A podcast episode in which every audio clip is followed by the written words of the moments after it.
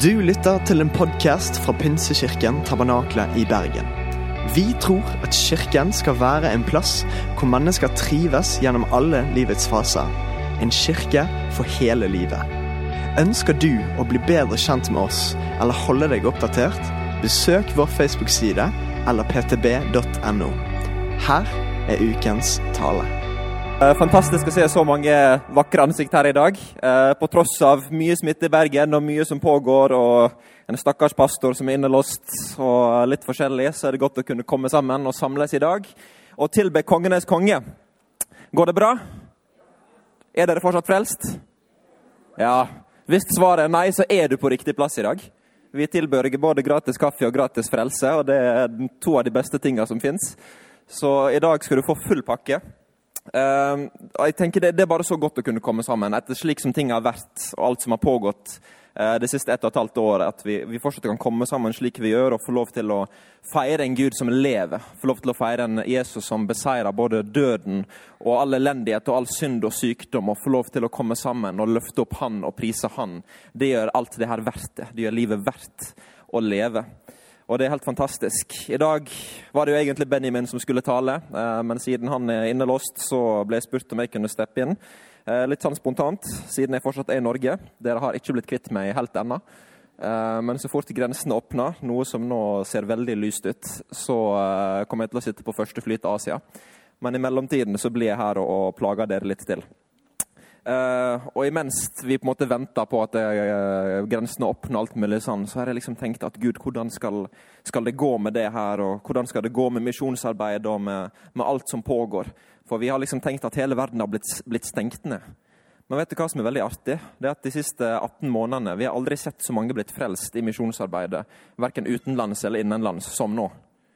Uh, og da tenker jeg at vet du hva, Gud han har ikke korona. Uh, han sitter ikke i isolasjon eller karantene, men han styrer på og han jobber som aldri før.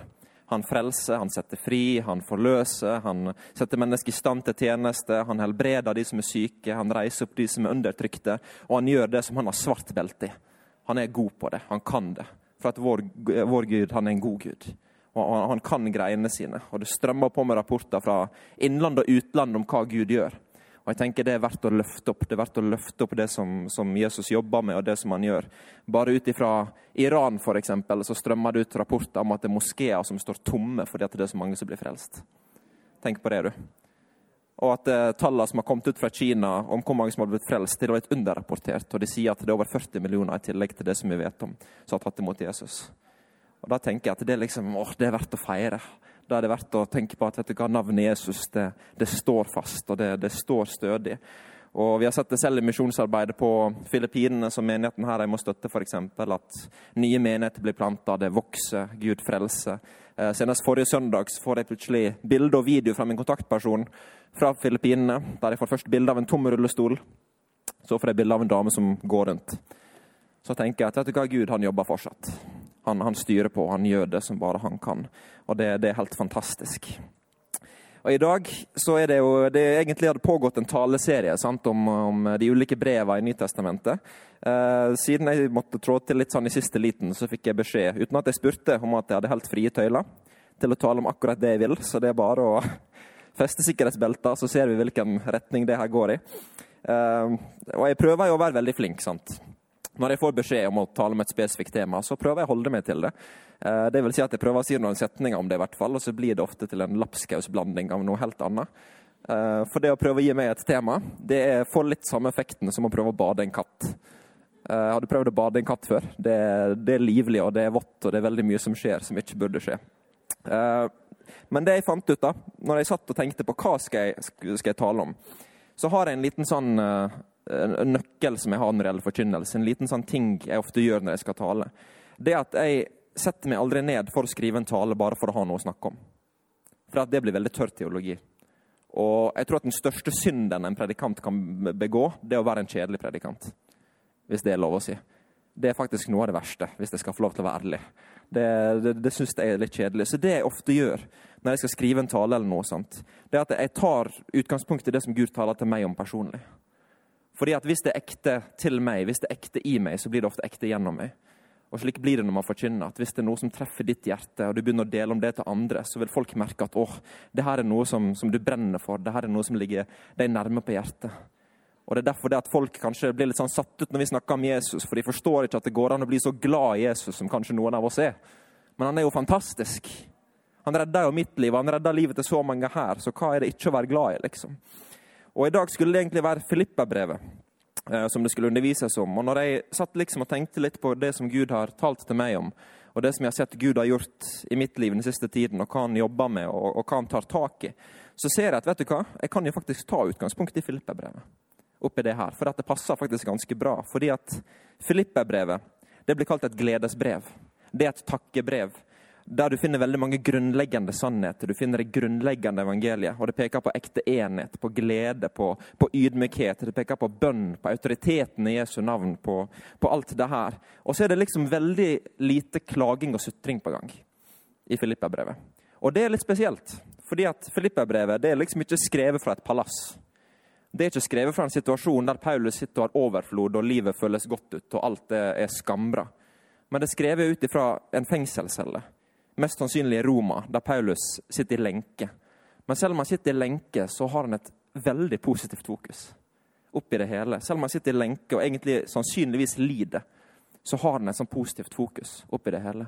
Og han sitter ikke på en sånn 20 eh, kvadrats fengselscelle med flatskjerm på veggen og data og bibliotek tilgjengelig og hele pakka. Jeg ser for meg at det var en litt sånn råtten hule. Jeg tror ikke det var noe luksus der han satt der i lenken og måtte lide for Jesus. Men midt oppi det, midt oppi hans mørke, så skriver han i Filippebrevet kapittel 3, vers 8-11. Ja, så visst regner jeg alt som tap, sammenlignet med det som er så mye mer verd. Kunnskapen om Kristus Jesus, min Herre på grunn av ham har jeg lidd tap på alt, og jeg regner det som søppel for at jeg skal vinne Kristus.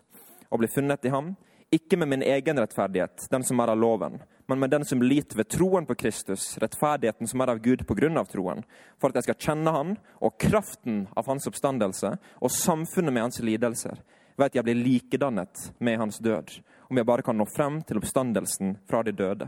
Og videre, Hvis vi hadde lest videre, så, så sier egentlig Paulus rett ut at han er ikke perfekt. Men det er én ting som har skjedd med han som han sier rett ut, og det er at Kristus har grepet tak i han. Og jeg tenker Det er en sånn fin ting å si at åh, Kristus han har grepet tak i meg. Jeg har feila, jeg har ikke fått det til, jeg har gått på trynet sikkert en million ganger, men Kristus han har grepet tak i meg. Midt oppi min synd, i min elendighet, i mitt mørke, i alt som har skjedd i mitt liv. Kristus har grepet tak i meg, og han står stødig gjennom alt. For han forandrer seg ikke. Men det er litt spesielt at Paulus kan si det her, fordi han hadde ikke et lett liv i det hele tatt. Hans liv var preget av motgang, svik, forfølgelse, sult, lenke, drapsforsøk, tortur. Sannsynligvis sykdom. Han ble prøvd i veldig mye. Han hadde ikke noe lett liv, selv om han fikk lov til å ta del i Guds herlighet og se Guds rike manifestert på jord. Så i det ytre så hadde han ikke alltid helt perfekt. Det var ting som pågikk. Men jeg tror at Paulus han hadde skjønt noe.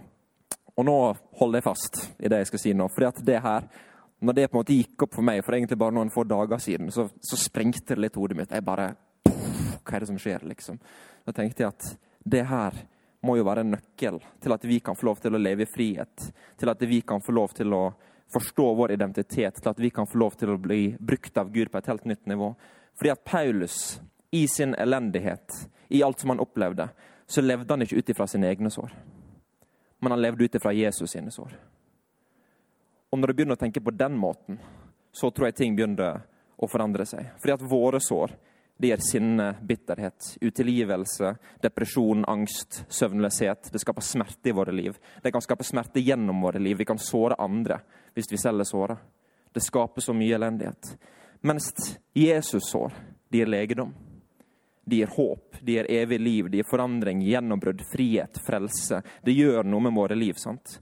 Og når du forstår hvem du er, Jesus, når du forstår hva han har gjort for deg, når du forstår hva han sier om deg, hva slags kraft han har gitt deg, hva slags løfter han har gitt deg, når du forstår hvem han er, og du begynner å skjønne hvem du er i han, så vil den verdenen her og det som er rundt deg, begynne å miste kraft.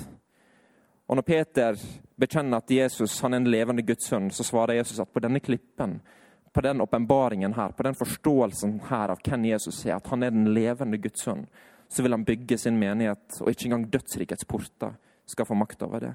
Når vi begynner å leve ut ifra hvem Jesus er, og hvem vi er i Han, vet du hva, da blir det himla god stemning. Da begynner det å skje noe. Da blir det forandring i våre liv. Fordi at vi har jo ofte en tendens til å la våre gamle synder, ting som vi har levd i tidligere, det som mennesker har sagt og gjort, gamle sår, vi lar ofte den fortiden diktere vår nåtid og vår fremtid. Og så begynner vi å identifisere oss med det. Og pga. det så tror jeg at mye av Guds folk ligger nede. Pga. det så tror jeg det er mange som ligger nede i Norge i dag. Fordi at uh, vi lever ut ifra det. Vi lever ut ifra vår fortid. Og så lar vi det danne vår teologi. Vi lar det danne vårt selvbilde. Vi lar det danne vår identitet, våre møter, måten vi lever på. Istedenfor at vi lever ut ifra hvem han er. Hva han har gjort, hva han sier om oss. Så dveler vi og tenker mye på hva andre har sagt, hva de har gjort, hva de tenker om oss. Når egentlig det er ganske uvesentlig. For det har ikke noen evig verdi. Du skal ikke en dag stå foran naboen din og avlegge regnskap for ditt liv. Du skal stå foran han. Så det er derfor det handler om hva han sier. Paulus sier i Filippabrevet 3,13.: Søsken, jeg tror ikke om meg selv at jeg har grepet det, med andre ord blitt perfekt. Men ett gjør jeg. Jeg glemmer det som er bak, strekker meg ut etter det som ligger foran. Og i dag, når jeg, når jeg snakker om de tingene, så taler jeg like mye til meg selv som jeg snakker til dere. Når jeg begynte i barnehagen for eh, et par år siden, kan vi si da, så uten å si, gå mer i detaljer der, så, så ble jeg mobba veldig mye. Og jeg ble mobba videre på neste skole, på skolen etter det, på den tredje skolen og på den fjerde skolen. Og hele livet så ble jeg fortalt du er stygg, du er ubrukelig, du har ingen verdi, du kommer aldri til å oppnå noe, ingen er glad i deg, ingen kommer til å bli glad i deg. Og jeg ble proppa full i de her løgnene og de her, de her orda hele tiden. Jeg ble mobba fysisk, jeg måtte gjemme meg for å ikke bli banka opp. Og liksom Det var så mye som pågikk, og så mye som pågikk rundt meg på andre fronter, som jeg ikke kan, kan dele fra en talerstol, som skjedde mot meg, og som ble sagt og gjort fra, fra mange ulike hold. Og jeg må da ta et valg. sant? Skal jeg la de orda og de tinga som har blitt gjort mot meg, skal jeg la den fortiden forme hvem jeg er? Skal jeg la det bestemme min fremtid? Skal jeg la det være min identitet? Eller skal jeg leve ut ifra hvem jeg er Jesus? Eller skal jeg leve ut ifra hvem han har sagt jeg er? Skal det bli min identitet? Hvem skal jeg høre mest på? Mennesket som synder? Eller han som er perfekt og som elsker meg og ga sitt liv for meg? Hvem bør jeg høre på? Hvem sin mening bør jeg holde høyest? I Galaterbrevet 2,20 så skriver Paulus jeg er blitt korsfestet med Kristus. Det er ikke lenger jeg som lever, men Kristus lever i meg. Det livet jeg nå lever her i kroppen, lever jeg i tro på Guds sønn, han som elsket meg og ga seg selv for meg.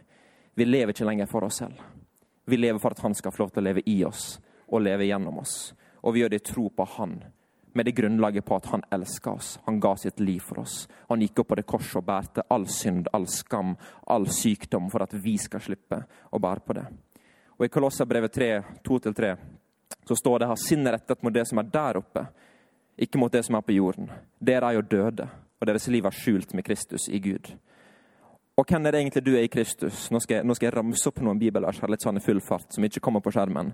Så prøv å holde deg litt fast. Men Bibelen sier i 1. Peter 2,9 at du er utvalgt. Du er et kongelig presteskap. Du er et hellig folk som er kalt ut av mørket og inn i lyset. I 1. Korinterbrev står det at du er et tempel som ble kjøpt med en høy pris. I Romerbrevet 6 så står det at ditt gamle menneske korsfesta, så du skal slippe å være en slave under synden, under din fortid. Og videre i kapittel 8 så står det at den samme ånd som reiste Jesus opp fra de døde, den bor i deg. Det er ganske heftig. Det er ganske heftige greier. At den ånden som, som bekjemper døden, som reiste han opp fra graven etter tre dager, den samme kraften, den bor i deg. Forstår du det? Skjønner du det? Det er ganske sykt, egentlig. Er det lov å si? Det er ganske spesielt. Så hva skal vi gjøre med det her? I Roman 8 så står det, står det også at for oss som ikke lenger vandrer etter kjøttet, men etter ånden, så er det ingen fordømmelse. Vi er fri fra fordømmelse fra fortiden. Og så har vi fått en kraft. I Matteus 10 står det at vi har fått en gave som vi kan gi videre gratis som en gave til mennesket. Som fører til hva? At syke blir helbreda, at spedalske blir rensa, at døde vekkes opp og demoner drives ut. Dette er Bibelen. Er du uenig, så kan du ta det opp med forfatteren. I Lukas 19 står det at vi har makt over all den makt som fienden har. I apostlenes gjerninger, eller apostlenes gærninger, som jeg liker å kalle det, så står det i 1.8 at vi har fått kraft til å være vitne. Du kan si både lokalt og der ute ved jordens ende. Det har vi mottatt fra himmelen for å kunne stråle for Han. Og så kanskje det beste løftet av alle, syns jeg, i Matteus 28. Det beste løftet som jeg holder fast med hver eneste dag. At Han skal være med. At Han skal være der. Når livet svikter, når mennesket svikter, når alt går i dass og alt går ned, så skal han stå fast, og han skal være trofast. Og vi trenger ikke liksom å bli hjernevaska i det her. Vi trenger å få en hjernetransplantasjon. Vi trenger å bytte ut hele toppen med det som har vært fortid, med det som har vært synd, og bytte ut hele greia, både her og her. For vi kan ikke la vår historie bli større enn hvem han sier vi er. Vi kan ikke la det diktere vår fremtid, for du er den Jesus sier du.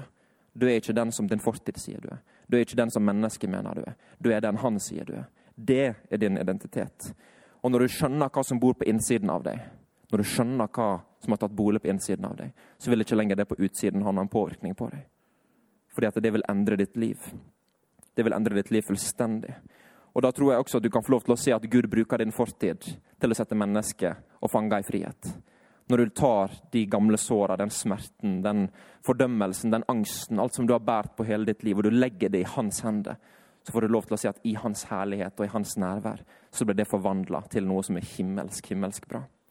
Første gang jeg skulle inn i høysikkerhetsfengsel i Asia for noen år siden, så hadde jeg null peiling på hva jeg skulle si. Jeg visste ikke hva jeg skulle forkynne, hva jeg skulle dele med dem. Jeg visste at nå skal jeg inn i et fengsel med 2000 fanger, der det er massemordere, serievoldtektsmenn, det er ledere for narkotikakartell, det er terrorister. De verste av de verste. Så tenkte jeg hva i alle dager skal jeg si til den gjengen her? Jeg har aldri vært kriminell, liksom. Jeg har ikke en historie som jeg kan relatere til med de. Jeg kommer nærme fengselet og, og får beskjed om at det er det fanger som lever i, i helt ekstremt dårlige kår. Det var ikke noen, noen, gode norske fengsel, for å si det sånn. Vi snakka om mennesker som ikke har mat daglig. Vi så fanger som plukka opp gress fra bakken og spiste det fordi de var så sultne. De hadde ikke noe drikke. Mange av de var frakta der i, uten å vite hvor de havna hen. Timevis unna familien, og noen flere dagsreiser unna familiene sine. Og må leve der resten av livet. Dømt til 300-400-500 år i fengsel. Kommer aldri til å slippe ut. Fullstendig alene, innelåst. Eh, utsatt for vold og, og det ene og det andre konstant. Noen av dem på daglig basis. Så kom jeg inn dit, og du kan mildt sagt si at på et sånt sted så er det en veldig spesiell stemning. Du, du, du kjenner det, at her er det noe som er ondt. Liksom. Her er det noe som ikke er godt. Og Jeg kom inn i fengselet der, blir ransaka av vaktene og må omtrent strippe med alt. og Det går gjennom telefon og kamera og bag og alt, og får nesten ikke lov å ta med noe som helst inn. Og Så begynner vi å gå inn fengselet, og så får jeg beskjed fra vaktene at eh, jeg får ikke med vakt inn. Og jeg tenkte hva i alle dager? Skal inn i et fengsel med 2000 fanger, får ikke vakter. Vanligvis på Filippinene så har vi bevæpna vakter fra, fra militæret og politiet når vi jobber, men uh, jeg fikk ikke lov å ta med noen inn. Og så sa de det fordi det er så farlig. Fordi at de er 2000, vi er kanskje 10. Hvis de angriper, så er vi døde. Så du går inn alene med pastorene dine. Jeg tenkte ja, ja. Optimistisk. Det blir koselig. Jeg fikk med én fange da som ville beskytte meg, så han hadde med en kølle. Men uh, det hjelper ikke så veldig. Men så går jeg inn og jeg går gjennom det her fengselet og får alle de her blikkene fra de her fangene. Sant? Og du, du, kan se ondskapen i øynene. Du kan se at noen av dem de, de er så fulle av sinne. Men samtidig ser du at så mange av dem er så knust. Og Vi får lov til å samle sammen en, en, god del av de her i et bygg som er der. Ikke alle, for noen av dem sitter innelåst og får ikke lov å gå ut. Mens en del av de som gikk fritt, de, de kom inn. Og de samla seg uh, i det, det rommet, i det bygget, så vi fikk lov til å samles. Og jeg tenkte, hva i all verden skal jeg si? Så tenkte jeg at vet du hva, det her er folk som er ensomme. De er knust, de ligger nede, de er deprimerte, de har gitt opp. Greit nok de har feila, men det er håp for de også. Det var derfor min Jesus døde. Ikke for de perfekte, men for de som har synda. Så jeg gikk inn der og jeg tenkte vet du hva, jeg deler min historie. Jeg deler min historie om depresjon, om ensomhet og det å være knust. Jeg forteller dem hva Jesus har gjort i mitt liv. Og idet jeg gjør det, så går det ikke mange minutter for at det sitter mordere over hele stedet og står og hulkegråter. Og idet jeg, jeg, jeg nærmer meg slutten av talen og sier nå, hvis du vil gi ditt liv til Jesus, så responder. Og ikke noe sånn snille, koselig lite greier, men virkelig en respons på det. Det var ikke én fange på det stedet der som var der inne, som ikke ga sitt liv til Jesus. En av de i dag han er dømt for mord, han sitter der resten av livet. Han har vi disippelgjort og reist oss som pastor, så han driver og disippelgjør alle fangene inne i fengselet der nå. Og så så jeg at Gud brukte min fortid, og han brukte det som var smertefullt, til å sette andre mennesker i frihet. Og det er han god på. Det er det han gjør. Det er det han kan. Og jeg tror at det er det vi trenger å komme tilbake til. Vi skjønner vår identitet på en sånn måte at fortiden den får ikke lenger ha kraft over oss. Slik at verken fienden eller mennesker kan bruke det mot oss. Men vi legger det i Guds hender. Så kan han få lov til å helliggjøre det og bruke det til å sette mennesket fri. Men det som jeg tror er en litt sånn greie som gjør at vi har glemt litt alt det her i Norge, glemt litt vår identitet, glemt litt kraften vi har tilgjengelig, glemt litt herligheten som, som er i Jesu navn, det er at vi har blitt veldig komfortable. Og det må være lov å si. Vi, er, vi har det veldig komfortabelt ganske godt i Norge. Selv under korona så har vi sånne kosetiltak i forhold til mange andre land rundt om i verden. Vi har det faktisk ganske bra. Her er mye smerte i vårt land også, men vi har det ganske fint. Og menighetsmessig, nasjonalt, så vil jeg påstå at vi, vi har blitt ganske komfortable. Og vi har begynt å henge oss litt opp i det midlertidige. Vi har begynt å glemme litt fokus. Vi har glemt litt vår identitet. Glemt litt den kraften vi har tilgjengelig. Og vårt fokus har blitt litt mer på oss selv og litt mindre på Han. Og jeg tenker at det må vi få lov til å endre. Er det lov til å si, eller er det bare min observasjon? Det er noen som er enige, i hvert fall. I år 70 etter Kristus så ble Jerusalem invadert av romerne. Og det, Idet romerne gikk inn i Jerusalem, så endevendte de hele byen. De, de knuste bygg, de brant ned, de herja, de tok livet av mennesker. Og så gikk de inn i tempelet. Og romerne, soldatene, de gikk gjennom hele tempelet for å endevende og ransake og ta med seg det som var verdi. Og Idet de gikk inn i tempelet, så gikk de inn i det helligste av de helligste. Der egentlig ingen mennesker kunne få lov til å gå utenom ypperstepresten en gang i året. Og der gikk en romerne. Fordi at Hvis noen andre hadde gått inn, så hadde de dødd sant, under den gamle pakt for at Guds herlighet var der. Men idet romerne gikk inn, og de, de, gikk gjennom hele tempelet og gikk inn i de helligste av de helligste Vet du hva de fant der paktens ark skulle stå? der det egentlig skulle hvile Guds nærvær, der, skulle, der, der, Gud skulle være, der hans kraft og herlighet skulle være. Vet du hva de fant når de gikk gjennom tempelet? Absolutt ingenting. Det var tomt. Paktens ark var der ikke. Der som Guds kraft og herlighet og nærvær av Gud skulle hvile, der var det tomt. Og så kan man liksom lure litt på hvor, hvor, hvor lenge har det vært tomt. For vi vet at det var et sted av, av rå kraft. Når ypperstepresten gikk inn en gang i året, så brukte de et tau rundt foten på ypperstepresten. Slik at hvis han gikk inn og ikke ble funnet verdig, så ville han bli slått død av Guds kraft. Og de måtte dra presten ut. Men der var det tomt. Der var det tomt. Og så, og så kan man tenke hvor lenge har det vært tomt? Og vi vet at eh, over 100 år før det så ble byen, da ble også Jerusalem reida av krigsherren Pompeii. Og han gikk gjennom tempelet. Og han har skrevet sine historiske bøker det var ingen paktens ark inne i tempelet. Han sa det var tomt. I over 100 år, kanskje mer, historikere og teologer er veldig uenige, og de sier at det er umulig å vite, men de vet at det har stått tomt lenge.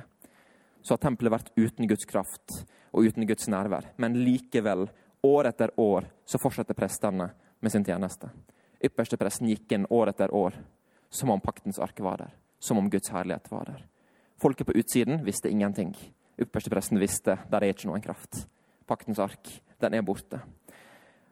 Og er det ikke litt sånn vi har det i dag? At vi har på en måte i den vestlige verden Jeg jobber som misjonær, så jeg føler jeg har, litt lov til å si det her. Jeg er vant med, med, med å se landsbyer bli endevendt av, av, av, Guds kraft. Vi har sett døde våkne opp igjen, vi har sett lamme begynne å gå, sett blinde få synet tilbake. Og så kommer jeg tilbake til Norge, og jeg vet, vet at Gud er den samme her. Jeg vet at den kjærligheten han har for de der ute, er den samme kjærligheten han har her. For han gjør ikke forandring på mennesket. Men jeg tror at vi har fått et lite sånn religiøst system som virker så fint og flott, og vi, og vi utfordrer våre religiøse plikter. Men vi har kanskje blitt litt fornøyde og litt for komfortable. Og glemt litt av den herligheten og den kraften som egentlig skulle hvilt over våre liv. Jeg tror vi har glemt litt av det. Og i dag så vet vi at Guds kraft, Guds herlighet, Guds nærvær, den hviler ikke lenger i tempel som er bygd av mennesker. Men det står i min bibel at vi har blitt Guds tempel. Guds herlighet, Guds kraft har tatt bolig på innsiden av deg. Og det er en del av din identitet. At du har blitt et tempel for Gud, utvalgt av Han. At kongenes konge har tatt bolig i deg, at den helligste har tatt bolig i deg. At Guds rike har tatt bolig i deg. Og det er fakta. Og det vil si at der vi går, der burde egentlig mennesket få en smakebit av himmelen. Der vi går, så burde det egentlig være en åpen himmel, der mennesket skal få lov til å se Jesus, kjenne han, og få lov til å erfare at han er god. Og når du skjønner din identitet, så begynner ting å forandre seg. Og da vil ikke det ytre lenger påvirke deg på, på, samme måte som før. Og du kan begynne å bruke din historie, og du vil stå der trygg. Midt i fare, midt i det som mennesket sier, midt i det som mennesket måtte mene. Så vil du kunne stå fast, fordi at din identitet er ikke funnet i hva andre mener, eller hva de sier. Men din identitet er funnet i hva han sier, og hva han mener. Og han har gode tanker om deg. Han elsker deg, han ga sitt liv for deg. Og det er det vi trenger å fokusere på og da vil ikke det ytre lenger påvirke deg. En annen gang jeg var på Filippinene. Nå får dere litt sånn misjonshistorie. Er det greit? Ja, jeg hadde delt uansett, så. Men en annen gang jeg var på Filippinene, um, så ene uka av det hele oppholdet der jeg var der, så skulle jeg og en den lokale pastoren vi skulle reise på motorsykkel en uke inn i jungelen. Og det høres veldig koselig ut. Det er ikke så veldig koselig. Det, vi snakker edderkopper, slanger, terrorister og alt som ikke er koselig. Eh, overalt. Lite mat, lite drikke, lite søvn. Jeg var helt utmatta. Jeg mista fem kilo på en uke. Det er godt jobba. Um, og vi kjørte rundt i motorsykkel opp i fjellene der. I det naturlige, ukomfortabelt, farlig, utfordrende, ikke behagelig på noen måte. En varme som gjorde at jeg holdt på å krepere og var underernært, dehydrert, fyllpakke. Men det var ikke mitt fokus. Og oppi det hele, der vi opplevde at mennesker i området ble tatt livet av, så kjente ikke vi på noen frykt. Og hvorfor det? Fordi vi vet hvem vi er i Han. Fordi vi visste hvem vi var i Han. Vi visste at Han er med, og at Han beskytter. Og hvis noe skulle skje, så kjenner vi han og vi vet at da flytter vi hjem. Enkelt og greit. På engelsk er det et uttrykk der man sier 'sudden death, sudden glory'. Da man vet at hvis det plutselig tar slutt, så vet man hvor man skal. Og Derfor hadde vi en visshet og en trygghet til det, fordi at vår identitet var ikke funnet i at eh, noen ville ta livet av oss, eller at det var ukomfortabelt og alt det her. Men det var funnet i at han har sagt 'gå', og jeg skal være med. Og vi dro inn der, og vi så vekkelse oppe i fjellene der. Og det er ikke tull engang. Vi måtte plante fire nye menigheter i området der fordi at tusener av mennesker begynte å påkalle Jesu navn for frelse. Vi fikk lov å reise inn på skoler der rektor har kasta krykkene foran hele, alle elevene og hele skolen og ble momentant helbreda. Vi hadde en elev som kom opp til oss og sto og klikka på meg mens jeg sto og talte, og sa at det du sier, det er løgn, din Gud fins ikke. 15 sekunder etterpå så er han helbreda og drar mikrofonen fra meg og roper til hele skolen. Det han sier, det er sant! Da skjer det ting. Da skjer det ting. Og så skjønte jeg at Jesus han er med. Midt i mørke ondskap og alt det her, så er han med oppi det hele. Og vi kan få lov til å hvile i det. Hvile midt i mørket, midt i det som mennesker måtte si og gjøre mot oss, hvis vi vet hvem vi er han. Hvis vi står trygg i den som han har kalt oss til å være. For at evangeliet, når du leser det her, når du leser Guds ord, så handler det ikke bare om at du skal bli frelst og komme til himmelen. Evangeliet det handler egentlig enda mer om at Gud tar bolig i deg, og at han begynner å forandre deg og forandre ting gjennom deg. Og at vi kommer til himmelen, det er helt fantastisk, og jeg gleder meg til den dagen. Det blir faktisk himla bra, bokstavelig talt. Da vil den definisjonen få sin rette mening, liksom. Men det handler også om at han forandres her og nå. Evangeliet handler ikke om bare en ting som skal skje langt der fremme. At en dag så skal vi til himmelen. Men det handler om at det er her og nå så tar han bolig i oss, og han lever gjennom oss. At akkurat her og nå skal du få lov til å kjenne han, få lov til å gjøre han kjent, få lov til å leve med han nå. Så når du leser Guds ord, når du leser Bibelen fra nå av, ikke les det bare for å lære. Ikke les det bare for å liksom tenke at da en dag så skal det bra, bli bra. Les det for å bli. Les den for å være. Les den for å kjenne. Les den for å få et forandra hjerte, et forandra sinn, slik at du forstår hvem du er i Han, og hva du er kalt til å gjøre. Og når mennesket gjør ting imot deg, ikke ta det personlig. Ta evangeliet personlig. Ta Guds ord personlig. Ta det som Jesus sier mot deg personlig, og la det være fundamentet og grunnvollen som du bygger ditt liv på, ikke det som mennesket sier. Og Om du går gjennom den verdenen her, og du ikke føler deg hjemme, og du føler at du har mange sorger, og, og du kjenner liksom aldri at du føler deg helt til pass, vet du hva? det er ikke så veldig rart. Fordi at du er ikke hjemme ennå. Du er bare på besøk. Du er bare på besøk her i verden. Men mens du er her, så har du et oppdrag å gjøre. Du har et kall. Du er ikke en tilfeldighet. Du er skapt med en hensikt, med en grunn. Han har lagt i deg gave og talent. Han har lagt i deg en kjærlighet, ting du skal få lov til å gjøre for Guds rike. Mennesker du skal få lov til å nå, ting du kan gjøre, og bare du kan gjøre. Og om du føler at pga. alt som har skjedd imot deg hele livet, så har du falt sammen og du har mista håpet, og du ligger ned på bakken, vet du hva? Bra. For når du ligger der nede, så er det bare én vei, og det er oppover for livet som kristen, og det er det jeg skjønt siste tiden. Livet som kristen det handler aldri om å ta seg sammen. Det handler om å falle sammen. Det er livet som kristen. Nåde, det å være en seirende taper. Nåde, det å få lov til å innse at vet du hva, i min egen kraft jeg klarer ikke det her. I min egen kraft så kommer jeg ikke til å ha suksess. I min egen kraft så kommer jeg aldri til å komme til det punktet der jeg kan oppnå alt jeg vil. Men på grunn av Hans nåde pga. hans kraft, pga. hans kors, fordi at han gjorde det som han gjorde, og fordi at han har kalt meg, så kan jeg få lov til å, å bli alt han har kalt meg til å gjøre. Og så gjør man det i hans kraft, ikke vår egen kraft. For du vil ikke nå så veldig langt med egen, egen kraft. Du kan få suksess i det ytre og i det materialistiske. Det vil ha ingen evig verdi. Men hvis du skal bygge et liv som har evig verdi, så bygg det på hva han har sagt. I Romane 15, 13 så står det at håpets Gud skal fylle dere med all glede og fred i troen, så dere kan ha overflod av håp ved en hellig åndskraft. Og det er Guds vilje for deg. At du midt i din svakhet og smerte, så fyller han deg med glede, med fred, med håp. Og oppi det hele så forstår han deg.